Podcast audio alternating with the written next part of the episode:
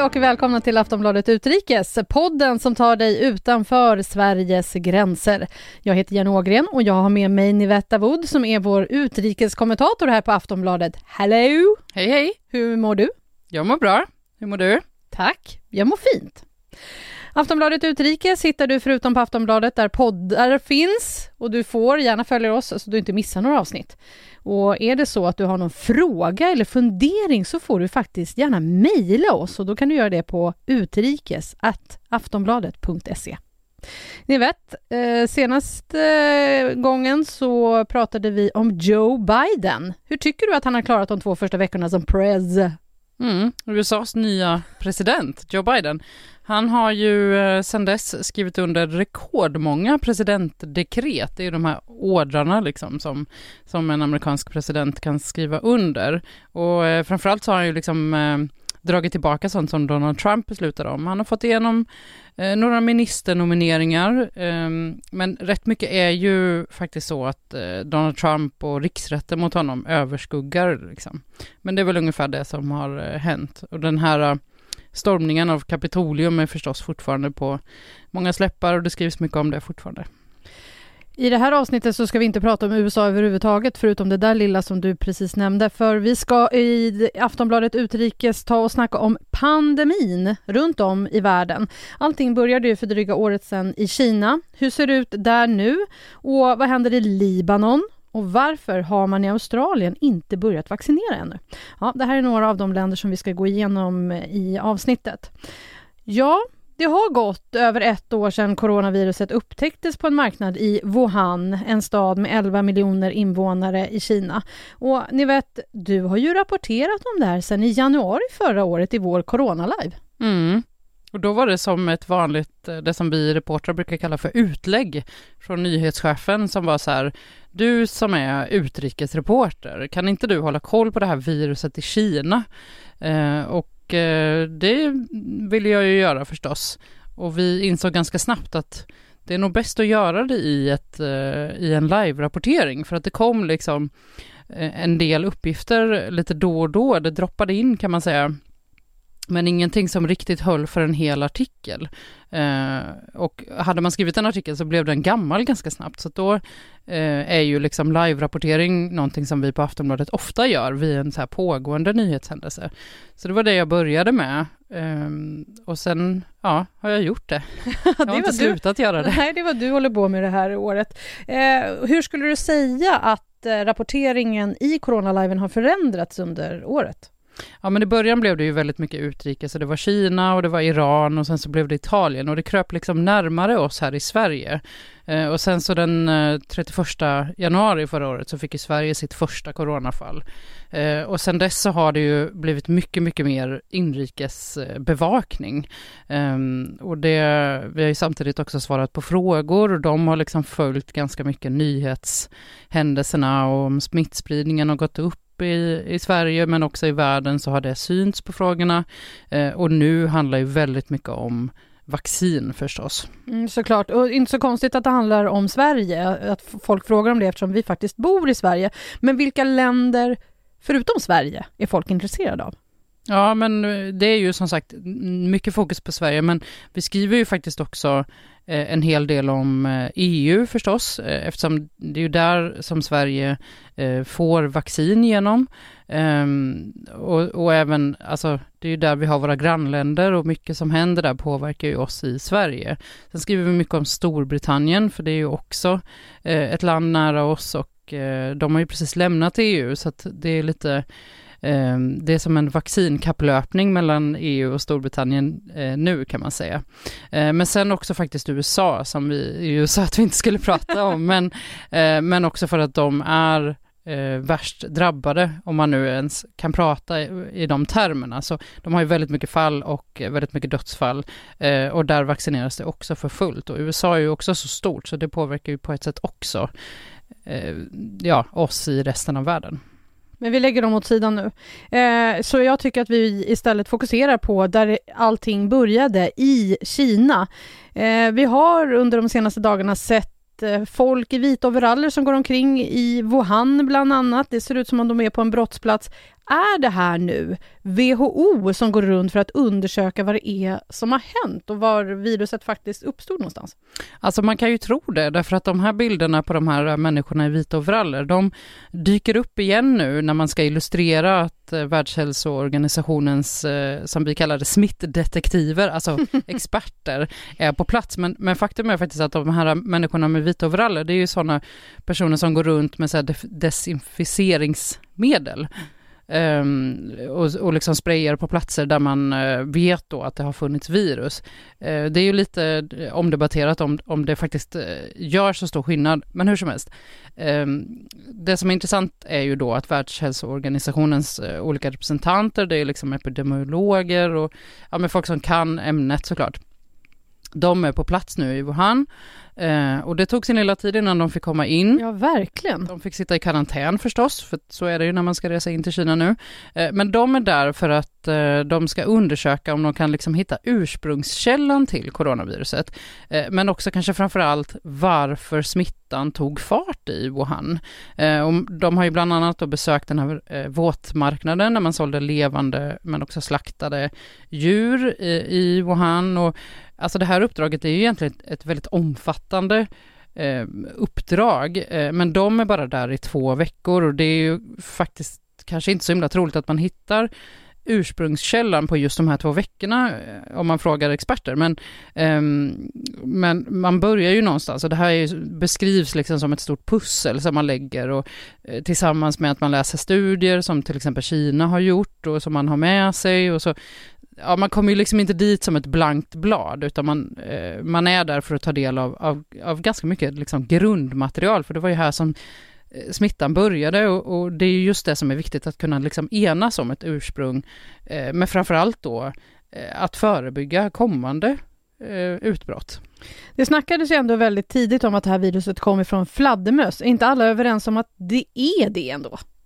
Jo, alltså virus av den här typen kommer i princip alltid från ett djur och så har det ju då spridits till en människa och det, den biten är de flesta överens om. Och där har man pekat ut fladdermus eftersom den är värddjur för väldigt många coronavirus eh, och, och andra virus, alltså rabies till exempel också. Eh, den är liksom en ja, men så här, virusbomb liksom, eh, men blir inte samtidigt så himla sjuk eh, av de olika virusen. Och sen så har man också pekat ut till exempel myrkotten som en så här mellanvärld. Alltså älskar myrkotten. Ja, men... Det är eh, världens gulligaste, konstigaste fallet, djur. I det här fallet lite suspekt. Eh, men, eh, för de kan också då bära den här typen av virus och sen så, det här är ju sånt som, som debatteras, men sen är ju liksom den viktigaste frågan egentligen, hur har det här, alltså smittan från viruset tagit fart? För som sagt, de bär på virus, men det är ju just att det har tagit fart och att människor har blivit smittade. Så, men, men är det så att du inte vet hur en myrkotte ser ut, googla. Det är en utrotningshotad liten stackare. Så mm. att, eh, Gullig. Ja, jättegullig.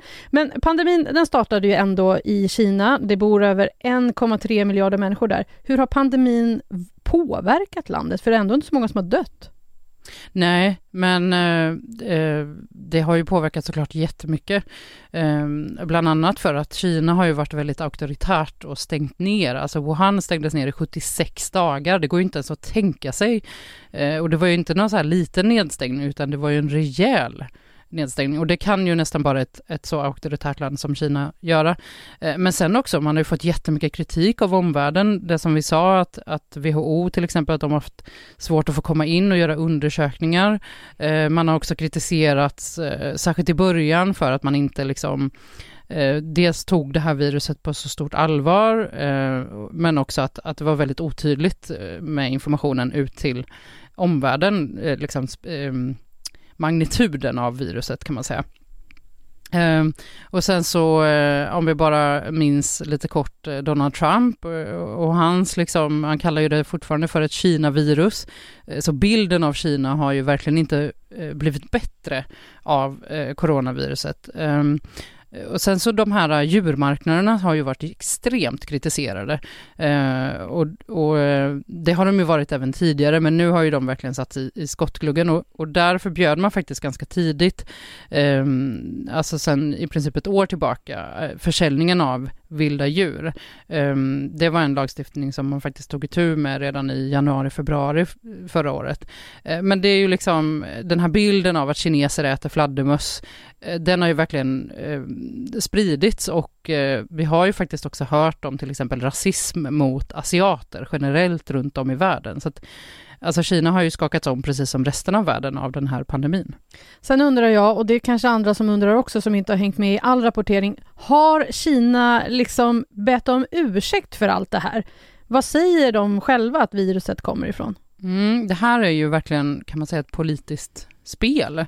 För att man är väldigt noga med att poängtera från Kinas håll att viruset först rapporterades i Kina, att det behöver inte betyda att det har sitt ursprung där. Eh, och man vill gärna peka på andra möjligheter i Kina, att till exempel då en, en teori som är, som är ganska väl eh, spridd i Kina är att det kan eh, ha kommit, eh, att viruset kan ha kommit eh, genom att man har importerat alltså fryst eh, kött, framförallt eh, liksom eh, eh djur från havet, så att säga, seafood. Eh, vad heter det på svenska? Ja, vadå, fisk och skaldjur? Ja, men tack! det blir så lätt när man pratar, när man läser saker på engelska. yes. Ja, men att det liksom, det här är ändå inte en, en det är inte taget helt liksom från ingenstans, utan eh, det är inte något man gissar sig till, utan det kan, det är faktiskt ofta så att, att virus eh, kan komma, eh, alltså följa med fryst mat. Så det är liksom inte helt eh, galet, men ja. Så du menar att de kan ha importerat någon eh, norsk eh, Alaska Pollock? Alltså som har kommit i något torskblock då? Ja, eller så här, alltså eh, jag minns eh, under förra året så var det eh, en, blev det en jättestor grej att man slutade importera eh, norsk lax till exempel. För att den här då eh, teorin, Eh, den har ju blivit väldigt eh, liksom väl eh, spridd och fortfarande så är det ganska mycket alltså fryst kött och fisk i Kina som inte säljs, att det liksom står tomma diskar liksom. Så det blev, det blev faktiskt en rejäl laxkris under förra året, jag minns det väldigt väl. men Sen så har ju liksom forskare sagt att den här, alltså det är ju väldigt lång leverans för, för de här produkterna och där Eh, alltså, nu ska inte jag, jag är verkligen ingen så här laxexpert, men, men det är liksom inte troligt att ett virus har kunnat överleva hela den eh, leveranssträckan eh, liksom och, eh, och spridit sig på det sättet som coronaviruset ju faktiskt har gjort. Så det finns inga riktiga belägg för det, men det är en, det är en teori som eh, är högst levande i Kina. Lite som att de vill skylla ifrån sig. Kanske. Kanske. Men du, hur går det då med vaccineringen i Kina? Det här tycker jag är väldigt intressant för att de har liksom en taktik som i princip inget annat land har. Eh, och det är att man, man massvaccinerar 18 till 59-åringar, alltså personer som är i arbetsför ålder. Eh, och sen Pengarna så, ska in. Ja, men precis. Alltså det här är ju, Kina är ju liksom ett, ett väldigt eh, digitalt eh, samhälle, så det här syns då i så här smittspårningsappar, så du kan åka med en, med en taxiförare så ser du att den här personen eh, har vaccinerats till exempel. Och sen så förstås också sjukhuspersonal, men också liksom bussförare, alltså att man, man Kina är ju stort och, och, man rör sig väldigt mycket i liksom olika färdmedel. Eh, så att, eh, och det går ofta till då, alltså vaccineringen går till genom eh, arbetsgivaren. Eh, sen så, eh, just eftersom det är ett väldigt auktoritärt land så, så går det inte att säga rakt av. Det är inte så att de har skrivit ut på en hemsida att så här, ja, men först är det fas 1 och sen fas 2 och sådär, um, eh, som vi gör i Sverige. Men det verkar inte som att några äldre till exempel har vaccinerats. Eh, men, men som sagt, vaccinplanen är ju liksom inte kristallklar. Men det verkar vara så att, att väldigt många vill vaccinera sig. Så det vet vi. Så det har ju skett liksom massvaccination och, och sker just nu. Och har president Xi Jinping vaccinerat sig? Nej, och det är lite intressant. Alltså han är ju över 59 år tror jag, så att, uh, han ingår ju liksom inte i den första gruppen. Men, men, men vi har ju sett att i andra länder så har liksom så ledaren vaccinerat sig för att visa att uh, det, här är, det här är inga konstigheter och sådär.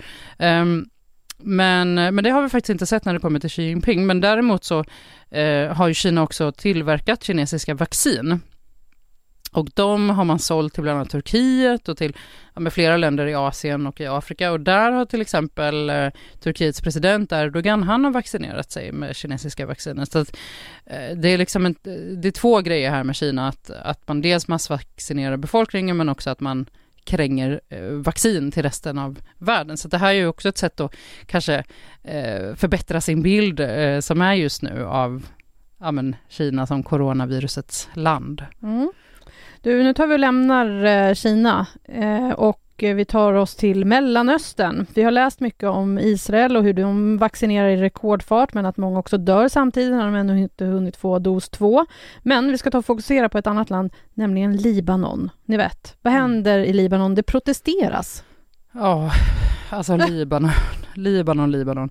Alltså om vi tyckte att 2020 var ett skitår, så var det verkligen ett helvetesår för Libanon. Alltså inte nog med eh, coronapandemin, det var ju, landet var ju redan innan dess på väg in i en, en väldigt allvarlig ekonomisk kris och eh, det hade skett protester mot eh, korruption och, och vanstyre eh, och det fick ju faktiskt regeringen att avgå i Libanon och, och, och man har faktiskt fortfarande en övergångsregering och så på allt det så kanske du minns den här förödande explosionen i hamnen i Beirut i augusti förra året? Ja, den minns jag verkligen. Eh, för det blev ju också en väldigt stor tragedi. Över 200 människor dog, över 300 000 förlorade sina hem. Och det här påverkade ju också såklart eh, sjukvården och resulterade i överbelastade sjukhus. Så hur påverkade det Libanon? Ja, alltså det har gått lite, kan man säga, upp och ner vad gäller liksom coronaläget där, men, men det är ju precis som du säger, att sjukvården är totalt överbelastad och alla, eh, alltså många sjukhus blev hårt drabbade i den här explosionen. Sen så ska man komma ihåg att, alltså Libanon, eh, det sticker ut lite i Mellanöstern, för det är inte ett, ett nutida krigsdrabbat land. Eh, man har haft ett långt inbördeskrig tidigare eh, och det, ofta så blir Libanon på grund av liksom läget eh, en slags skådeplats liksom för regionala strider. Men eh, det är heller inte ett välfungerande land. Det ska man verkligen ha med sig nu. Eh, för att eh, sen då i januari um, när dödsfallen med covid-19 ökade rejält så har man infört en väldigt, väldigt strikt eh, lockdown, alltså nedstängning i landet och, och det råder alltså utegångsförbud dygnet runt. Man får inte ens gå ut och, och handla mat. Och det hade ju vi i Sverige säkert tyckt har varit jobbigt, men då, och då har vi ändå ett väldigt bra liksom, fungerande infrastruktur. Vi kan beställa mat på nätet, även om det var ganska eh, krångligt med långa väntetider och sådär i början av pandemin. Men i Libanon så har man alltså, eh, oavsett liksom coronakris, oavsett explosion, alltså man har inte ens en regelbunden elförsörjning. Eh, du kan, alltså på ett dygn så stängs elen av i alla fall i två timmar och det, det finns till och med en app där man kan se liksom att ja, nu är det, idag är det klockan nio liksom. Eh, så att stora delar av infrastrukturen där fungerar helt enkelt inte och Eh, och många då menar ju att det här beror på att hela systemet är, är korrupt. Liksom. Är det därför då, då det blir protester nu eller? Ja, det, det är nog en stor del av anledningen och, och, det är också viktigt i vilken stad protesterna har brutit ut och det är ju Tripoli som ligger i norra Libanon och det är en av de fattigaste städerna. Det är en stor stad eh, där man också till exempel har tagit emot väldigt mycket syriska flyktingar så att det har liksom varit spänt där länge och, och Libanon har ju liksom under de här senaste åren eh, gått från, eh, alltså medelklassen finns i princip inte kvar längre utan varannan person i landet lever nu i fattigdom. Alltså det är ju helt otroliga eh, siffror. Ehm, så det är väl, det är liksom människor som har inget kvar och som då har gått ut och protesterat just mot de här hårda eh, coronarestriktionerna och det har faktiskt blivit våldsamt. Eh, det är många som har skadats och det pratas också om ett dödsfall det är mycket möjligt att det är fler, men, men det är de uppgifterna som kommer ut. Mm, då får vi se vad som händer i Libanon helt enkelt framöver. Eh, resten av Mellanöstern då, för det är ju ganska många länder, ett ganska stort område. Mm. Och det är också väldigt annorlunda, alltså olika länder. Det är väldigt svårt att, att prata om Mellanöstern som en grupp, för det, det finns ju allt från de här rika Gulfländerna, där, där man är väldigt snabb med vaccinering just nu, och så har vi Israel som du nämnde, som ju är bland de snabbaste i världen med att vaccinera sin befolkning. Um, Sen om vi tittar snabbt bara på Iran till exempel, drabbades jättehårt av coronapandemin redan tidigt och har liksom haft flera eh, vågor av, av eh, smitta och, och eh, avlidna. Och där till exempel så vägrar man eh, köpa coronavaccin som har tillverkats av väst. Alltså det finns ju en sån eh, konflikt som är, som är sedan länge tillbaka. Och sen så liksom totalt söndertrasade, alltså krigsdrabbade länder som, som Syrien och Jemen som, eh, som då fortfarande väntar på vaccin genom eh, ett globalt samarbete som heter Covax. Ja men vad bra att du nämner Covax för att vi ska ta reda ut lite vad det är för någonting lite längre fram i podden. Covax stavas alltså C-O-V-A-X. Det låter lite som ett dansband. Mm, det är lite så här Visex. Mm, Sannex. är inte det en sån här städ? Sannex ska vara med i Melodifestivalen. Ja. Så att, eh, det... ja. Jag har inte, har inte riktigt koll på det. men, men jag tycker det låter som så här, eh, är Tippex? Ja, Tippex. Mm. Ja, men, eh, nej, men Covax står för Covid-19 Vaccines Global Access Facility. Mm. Så det, det, är ju lite mer seriöst kanske. Mm. Vi, kommer, vi kommer snart till eh, mer om Covax. För vi ska ta och lämna Mellanöstern och så ska vi ta oss över till Sydamerika. Brasiliens president Jair Bolsonaro har ju varit ganska blasé när det gäller corona. Och Brasilien har ju en hel del fattiga områden i landet och det finns en oro för generellt, eh, generellt för folk i fattiga länder hur de ska klara sig och hur det ska gå till med vaccineringen. Och för några veckor sedan så kom det också rapporter om att syrgasen tagit slut i Amazon Amazonas? Ni vet, vad vet vi om det? Ja, Amazonas är ju stort, men jag tänker att vi ska prata lite om eh, Manaus, som, som brukar kallas liksom för huvudstaden i Amazonas, alltså i regnskogen.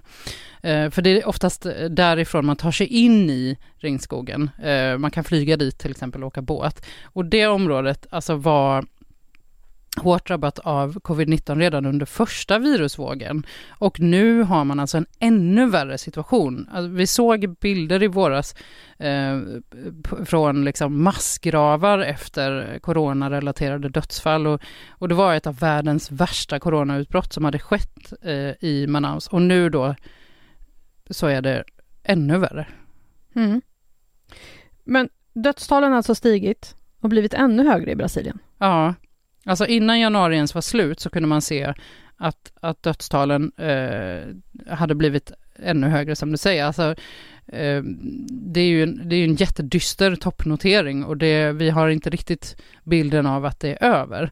Eh, och, och det här beror antagligen på flera saker. Det, Eh, dels så finns det en helt ny eh, virusvariant, det är en brasiliansk variant som har tagit sig in i staden och ehm, den är då mer eh, smittsam än tidigare varianter av coronaviruset och man vet inte jättemycket om den, men det finns liksom uppgifter om att den kan eventuellt drabba folk som redan har varit sjuka och kanske har fått antikroppar. Men det här är verkligen det här är något som forskarna verkligen eh, vill ha svar på. Men sen så är det faktiskt det här med att Bolsonaro-regeringen eh, de anklagas ju för att man inte har tagit situationen på allvar i Manaus eh, och att det syntes redan under, under våren. Eh, för då kollapsade hälso och sjukvården i staden och, eh, och det varnade man faktiskt för sen också igen i december. Eh, och då var det som eh, syrgasen eh, tog slut på sjukhus i staden, att människor kvävdes ihjäl helt enkelt. Eh, och att ingenting hände och nu är det faktiskt så att hälsoministern i landet eh, har ställts eh, inför domstol på grund av detta, för han ska ha vetat om det här eh, varningen men inte gjort någonting. Men eh, är det någon som är förvånad över det här då? För att eh, Bolsonaro beter sig ju, har ju gjort det ganska konstigt under hela pandemin. Ja, eh, alltså förvånad eller inte, kritiken finns ju. och, men det är som du säger att Eh, Bolsonaro har ju pratat om coronaviruset som någon eh, liten influensa och, eh, och de som var liksom oroliga för en andra våg där i, i november förra året eh, han, ja, men han eh, nästan hånade dem och sa att liksom, eh, ja, det här är inte så mycket att oroa sig för. Eh, och sen så har ju han också varit väldigt skeptisk till att till exempel stänga ner landet, eh, för att det skulle då drabba ekonomin och sådär. Och det eh, det finns uppgifter om att, att just den inställningen från, liksom, från det federala systemet gjorde att man inte stängde ner eh, Manaus eh, inför då det som man kallar för den andra vågen och att det, det kan ju ha bidragit då till till att det ser så otroligt mörkt ut där just nu. Mm, det blir spännande att följa i alla fall vad som händer i Brasilien. Nu så tar vi oss över till Australien. De har inte haft så många fall. De stängde ju ner sina gränser tidigt, men de har inte börjat vaccinera än, ni vet. Vad, är, vad vet vi om Australien? Ja, men vi kan säga så här att den senaste eh, större nyheten som kom därifrån, det var att man satte två miljoner människor i eh, lockdown på grund av ett par enstaka fall som man har upptäckt. Och det var i, eh, i en delstat då i Australien, jag tror att det var västra Australien. Och det här är liksom en väldigt, ett väldigt typiskt agerande för liksom hela Australiens, ja men för coronastrategin i landet, att man, man upptäcker fall och så stänger man ner snabbt och eh, ganska skoningslöst om du frågar kritikerna, att eh, eh många liksom menar att Ehm, att det här eh, är alldeles för, eh, för hårda åtgärder för några få fall. Men sen så finns det de som, som menar att eh, det, det, är så här, det är det, det är det här som är den bästa strategin, för då liksom lättar man snabbt på trycket för sjukvården. och man kan också framförallt smittspåra väldigt snabbt kring de här fallen. Ehm, och det är faktiskt inte helt olikt den kinesiska strategin som vi pratade om tidigare, där man stängde ner Wuhan. Men, men Australien är ju inte riktigt som, som Kina, i, man har ju inte möjlighet till ett lika, eh, alltså man, det är ju inte ett lika auktoritärt styre helt enkelt. Eh, men det som också är intressant är ju att man har då, det är ju en, en väldigt, väldigt stor ö eh, där, man, där gränspersonalen har en väldigt viktig uppgift i eh, när, när människor flyger in där eh, så sätts man i liksom karantänshotell och, och det har varit ganska mycket eh, skandaler kring de här karantänshotellen, att människor dels inte haft det så himla bra där, men att viruset ändå har kunnat spridas där, eller att folk har smitit ut då för att de inte så, ja, blir behandlade så himla väl där. Det är också gränspersonal och så här, karantänspersonal, eh, förutom då vårdpersonal, som kommer att vaccineras först när man kommer igång. Mm, vi har alla sett gränsbevakarna i Australien. Ja, men precis. Väldigt spännande. Men okej, då vet vi det om Australien. Eh, jag vill också... Jag kan också, ska säga där bara att eh, den, jag sa ju det när det kommer igång, men jag sa mm. inte när. När kommer den igång? Ja, alltså den, eh, först hade man tänkt att, att vänta fram till i mars faktiskt. Man har godkänt Pfizer-vaccinet och vänt, det, man kommer antagligen godkänna AstraZeneca. Men nu ser det ut som att man kommer att börja vaccinera i februari. Mm. Vi, då lämnar vi Australien för vi behöver hinna med att prata lite om Afrika också för det, en så himla fin och positiv nyhet som kom i veckan är ju att tjuvskytte på noshörningar minskat rejält under pandemin. Mm. Det, eh, alltså enligt eh, myndigheterna i landet så, så är det antagligen en följd av pandemin därför att man har ju stängt ner. Eh, och det har ju påverkat både de som eh, alltså tjuvar eh, hornen på noshörningen men också smugglarna. Det är svårare att smuggla eh, när gränser är stängda. Ehm, så att eh, det har minskat ganska rejält, 33 procent jämfört med från 2020 då till, eh, alltså jämfört med 2019. Um, ehm, så att, och det, det är sjätte året i rad faktiskt som tjuvjakten minskar. Hurra säger vi för det. Mm. Och sen har vi ju idag, onsdag är det när vi spelar in det här och det är den 3 februari, hört oroande nyheter från Tanzania. Mm. Det är presidenten där som eh, säger att Gud har tagit bort corona från landet och eh, han har också varnat för coronavaccinet. Och det kan man ju skratta åt, men det är ju också eh, Alltså det är ju rätt eh, läskigt att, eh, att Tanzania till exempel inte har redovisat smittade eh, sen i våras, att man ta, har tagit bort det helt enkelt. Och, eh, han får ju då, han är inte helt liksom, han kan inte helt köra på det här utan kritik, utan han får mothugg från bland annat katolska kyrkan som eh, absolut inte gör samma tolkning av Guds budskap.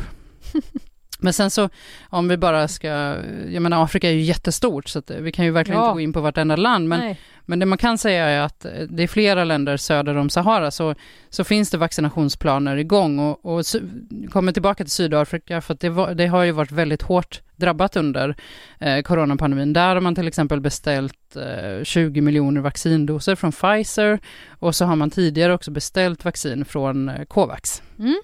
Och nu Lite snyggt övergång då här mm. till Covax. Vi lär återkomma till vad som Covax. händer i Afrika framöver. Eh, vi har ju varit inne lite på det här med de fattiga länderna i världen. Det finns ett globalt FN-samarbete som kallas då alltså för Covax, som alltså ska se till att människor i fattiga länder får tillgång till vaccinet. Eh, hur går det med det här, ni vet? Mm. Alltså rätt segt ärligt talat. Eh, alltså Covax ska ju arbeta för att eh, 180 av världens länder ska få vaccin mot covid-19 och då ska det både ske genom donationer från rika länder eh, men också av köp eh, av vaccin och då har man god, godkänt, eller man har köpt Pfizer och AstraZeneca-vaccinet. Men om man bara tittar på i slutet av januari så sa Världshälsoorganisationens chef att över 39 miljoner doser hade delats ut till 49 höginkomstländer, men bara 25 doser hade delats ut till ett låginkomstland. Alltså, det är helt galet. De siffrorna är säkert lite annorlunda nu när vi är i februari, men det är ju rätt talande. Um, och det här är ju tänkt, Covax är ju tänkt att det ska starta nu i februari och man hoppas på att man ska ha levererat över 2 miljarder doser i slutet av 2021.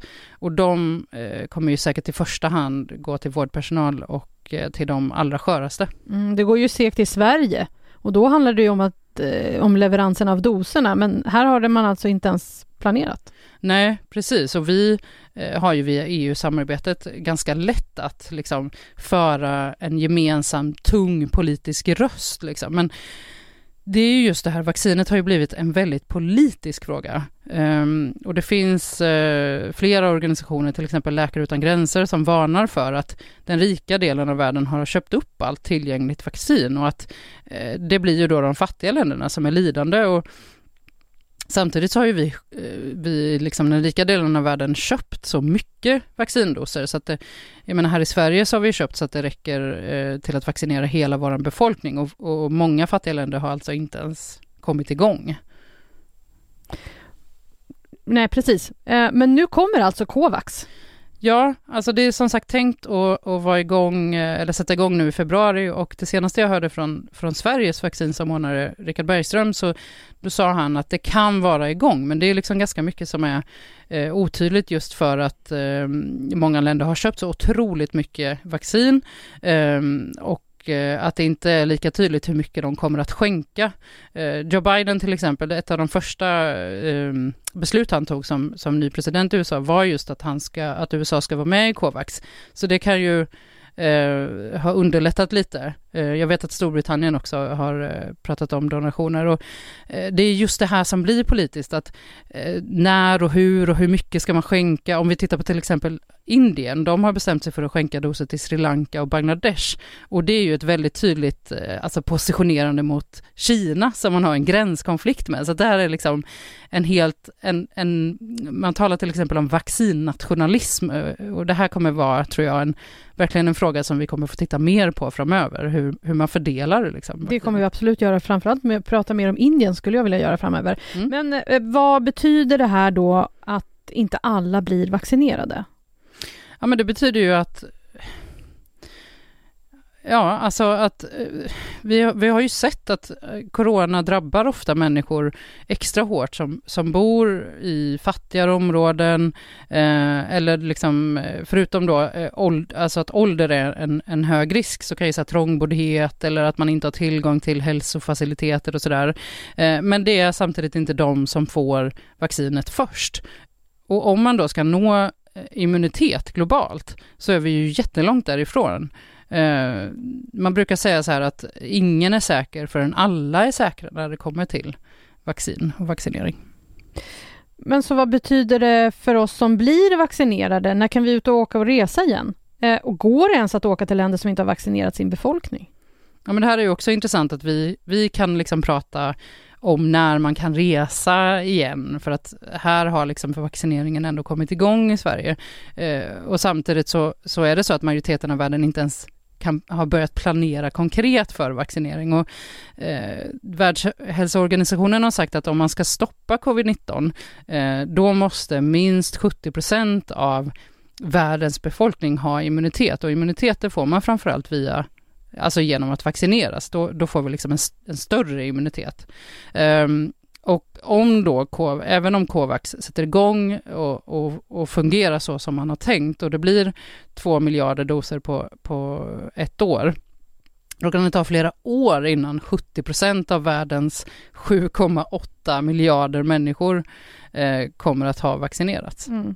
Och det vi ska säga här är att det viktigaste är att rädda liv, inte att vi i de rika länderna ska kunna åka ut och resa.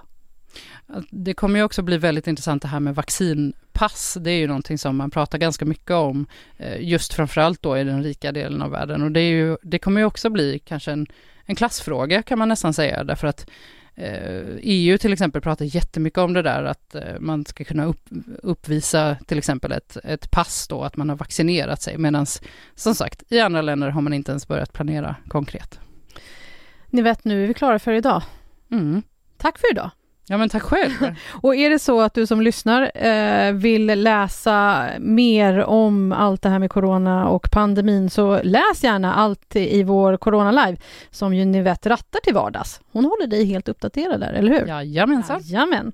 Aftonbladet Utrikes är tillbaka om två veckor så följ oss gärna i din poddspelare så missar du inte när vi kommer ut. Och har du frågor skicka dem till utrikes.aftonbladet.se. Nu säger Jenny Ågren och Nivette Wood hej då! Hej då! Hej då!